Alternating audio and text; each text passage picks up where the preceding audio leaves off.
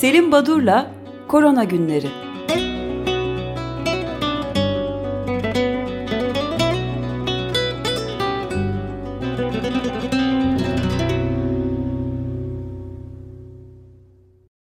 Günaydın Selim Badur, merhabalar. Günaydın, günaydın efendim. Günaydın. Günaydın, iyi yayınlar. Özdeş günaydın. Evet bu sefer tam anlamıyla herkesin evinden yaptığı ortak bir yayın gerçekleştiriyoruz. İlginç bir şey ama ses iyi geliyormuş öyle duyduk. Bakalım Evet, başarılı evet, yani. oldu arkadaşlar. Yaşasın teknoloji ve bunu kuran arkadaşlar. Şimdi biraz önce Anthony Fauci'den bahsettiniz. Evet, Aslında benim çok 80'li yıllardan beri izlediğim bir kişidir. NIH, bu National Institute of Health'ın başındaydı ve özellikle AIDS konusunda yaptığı çalışmalarla immünopatogenezi, AIDS'in immünolojisini çok iyi inceleyen bir bilim insanıydı. Ben başından beri Trump'ın yanında televizyonlarda ne arıyor diye düşünürken aradan bir hafta geçmeden zaten aforoza uğradığını öğrendim. Bu ilginç bir noktaydı. Şimdi evet çok e, da net bir e, ifade de vermiş şeye yani bu Çin virüsü demeyecek misiniz diye soruyorlar. Gayet bilimsel bir dergide yapılan mülakatte. Asla diyor. Hiçbir zaman böyle bir şey söylemeyeceğim e, diyor. yani duruşu falan çok e, sağlam, e, ayaklarının üzerinde yere sağlam basan bir insandır Fauci. Şimdi bizde dün akşam bakanın bu yeni olguları falan geç vakitte açıkladığı demeçleri oluyor hep. Orada Evet. gençlere bir uyarı var. Acaba kaybedilen olgular gençler mi falan diye konuşulurken bu gençlerin ve çocukların durumuyla ilgili bir e, noktaya değinmek istiyorum. Şimdi Şu anda 65 yaş üzeri insanların sokağa çıkması yasak deniyor. Bunun da gerekçesi e, işte sizin çok duyarlı e, ve e, tehlikeli bir e, konumda olmanız diye e, yansıtılmakta. Ancak bir evin içinde 65 yaş üzeri insan olduğu zaman e, o sokağa çıkmayıp da evdeki gençler sokağa çıkarsa onlar taşıyabilirler. Bunun mantığı biraz zor ve bana kalırsa büyük bir olasılıkla kısa bir süre sonra bu sokağa çıkma e, engeli bütün topluma, bütün yaş dilimlerine yayılacaktır gibi geliyor. Kademeli kademeli oraya geçiyoruz. Peki e, esas soru bu sokağa çıkma ne kadar devam edecek ya da bu e, pandemi ne zamana kadar devam edecek? Bu konuda bir şey söylemek aslında güç bir tarih vermek. Bunun da nedeni virüsün yeni bir virüs olması ve bilinmeyenlerin çok olması. Ama dün e, Belçikalı e, ünlü bir epidemiyolog ve iyi bir virolog olan Mark Van Rans'ı dinledim. Ona tahminlerine göre Avrupa'da daha 10 hafta kadar bu pandemiyi e, etkili bir şekilde süreceğini e, hesapladıklarını söyledi. Bu ilginç bir nokta. Ama daha da ilginci belki de e, bu sokağa çıkma yasağının e, kimlere ve ne kadar uygulanacağı.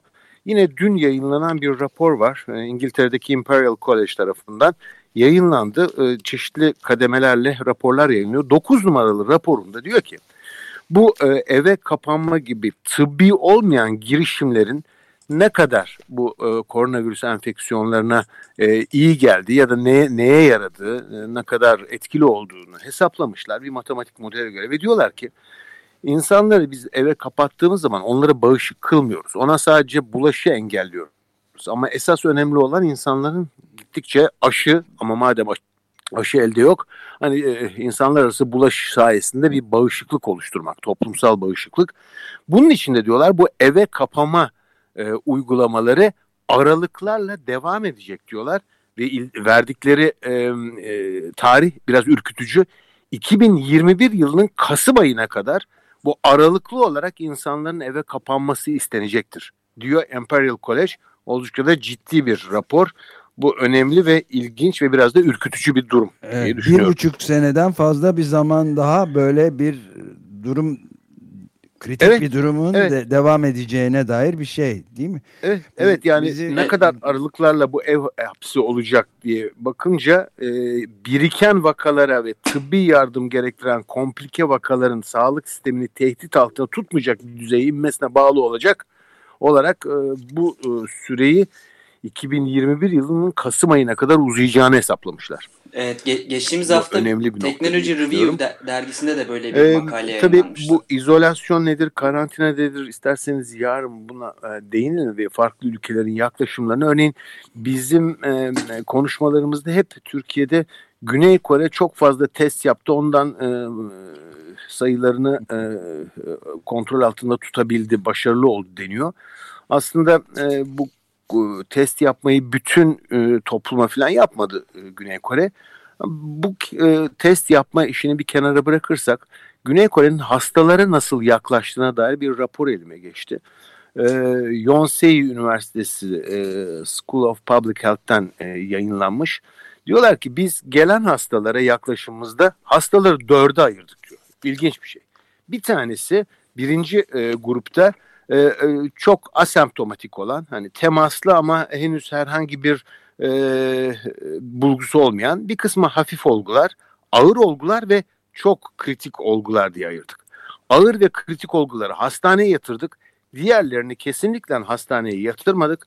Bunları biz örneğin çeşitli kuruluşlar burada e, telekomünikasyon şirketlerinin falan genelde e, çalışanları için eğitim amaçlı bir yere toplandıklarında ağırlamak için bir takım e, otelleri ya da e, evleri varmış. Buraya yerleştirmişler gençleri hatta onlara bu işi cazip kılmak için Wi-Fi, farklı televizyon programları e, oluşturarak onları bir lüks içinde, tırnak içinde e, e, orada ağırlamışlar.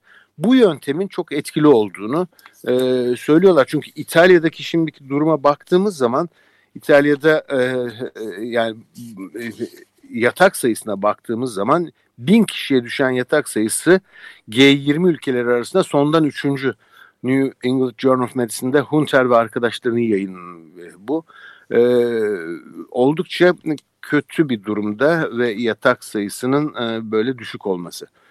Ee, açıkçası bu konulara belki yarın sadece bu konular üzerinde durmakta yarar var. Bir de yarın sizinle e, eğer gözünüzden kaçtıysa yarına kadar beklemenizi rica edeceğim. Sosyolog Eva Illuz'un ilginç bir yazısı çıktı Nouvel Observatör'de.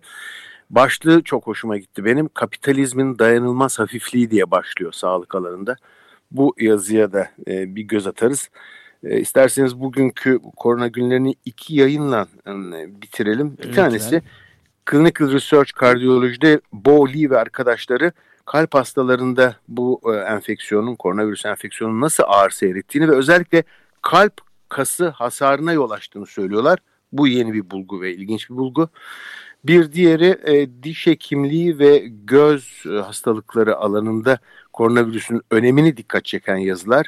Diş hekimleri açısından Journal of Dental Research'te Meng ve arkadaşları hem diş hekimlerinin hem de e, diş hekimine giden hastaların e, nasıl ve ne oranda risk altında olduklarını dikkati çekmişler.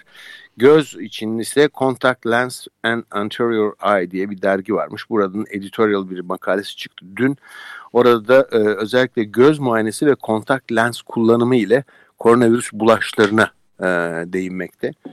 Bir de isterseniz son bir e, dergi. Derginin adı ilginç. Infection Disease of Poverty. Yani yoksulluğun enfeksiyon hastalıkları dergisi var. Böyle bir dergi varmış. Hı hı. Orada Sasmita Atikaran isimli birinin e, bu çıkan koronavirüsle ilgili yayınları e, e, toparlamışlar ve diyorlar ki yayınların %89'u İngilizce, %38,5'u etkene özgü ama ilginç olan şimdiye dek koronavirüs konusunda çıkan yayınların %70, 67.7'si e, Çin'den geliyor. Ee, bu da ilginç bir bulgu. Yani Çin deneyimi, evet Çin deneyiminin ilginç olduğunu söylemek mümkün. Benim evet, bugün aktaracaklarım bu kadar. Çok e, teşekkürler. Bir de son olarak şeyi de ben de ilave edeyim. Arkadaşlarımız, e, bazı dinleyicilerimiz e, bizim fazla karamsar göründüğünü, ufkun daha çok daha güzel olacağını e, söylemediğimiz için bizi eleştiriyorlar ama sizin bu bilimsel olarak söylediğiniz bir buçuk yıldan fazla bir zaman daha bu sokağa çıkma yasakları filan da devam edebileceğine ilişkin durum biraz böyle etkili olacak. İyi ki söylediniz yani. Bir de Dünya Sağlık Örgütü'nün bir açıklaması var Deutsche Welle'den e, gördüğümüz bir haber. Belki yarın ona da iki, bir dakika kadar ayırabiliriz. Dünya Sağlık Örgütü'nün üst düzey bir yetkilisi. Ma Michael Ryan koronavirüsü salgınıyla mücadelenin sadece sokağa çıkma yasaklarıyla alt edilemeyeceğini söylemiş. Pek çok başka e, tedbirde e, bulmak e, gerekiyor. Kamu sağlığı tedbirleri artırılmalı diye vurgu yapıyor. Kamu sağlığı tedbirleri e, galiba evet. özdeşi duyamadınız. e, Evet. kamu sağlığı tedbirlerinin de artırılması gerektiğini de önemli söylemiş. Belki ona da yarın bir göz atma fırsatı buluruz. Tabii yani son bir şey o zaman bu kamu sağlığı deyince Özdeş e, bu e, bu işler bitince sönünce hani e, hükümetlerin e, bütçede sağlığa ne kadar pay ayırmaları gerektiği bu metalaştıran e, sağlığı metalaştıran sağlık sektörünü özelleştiren şirketleştiren yaklaşımların e, bir değerlendirmesi de herhalde yapılmalı. Karamsar hava dediniz yani ben Imperial College'in yalancısıyım kendim Evet uydurmak. biz, biz de öyle. Çok teşekkürler Selim Ben Badur. teşekkür ederim efendim. İyi yayınlar. Görüşmek üzere.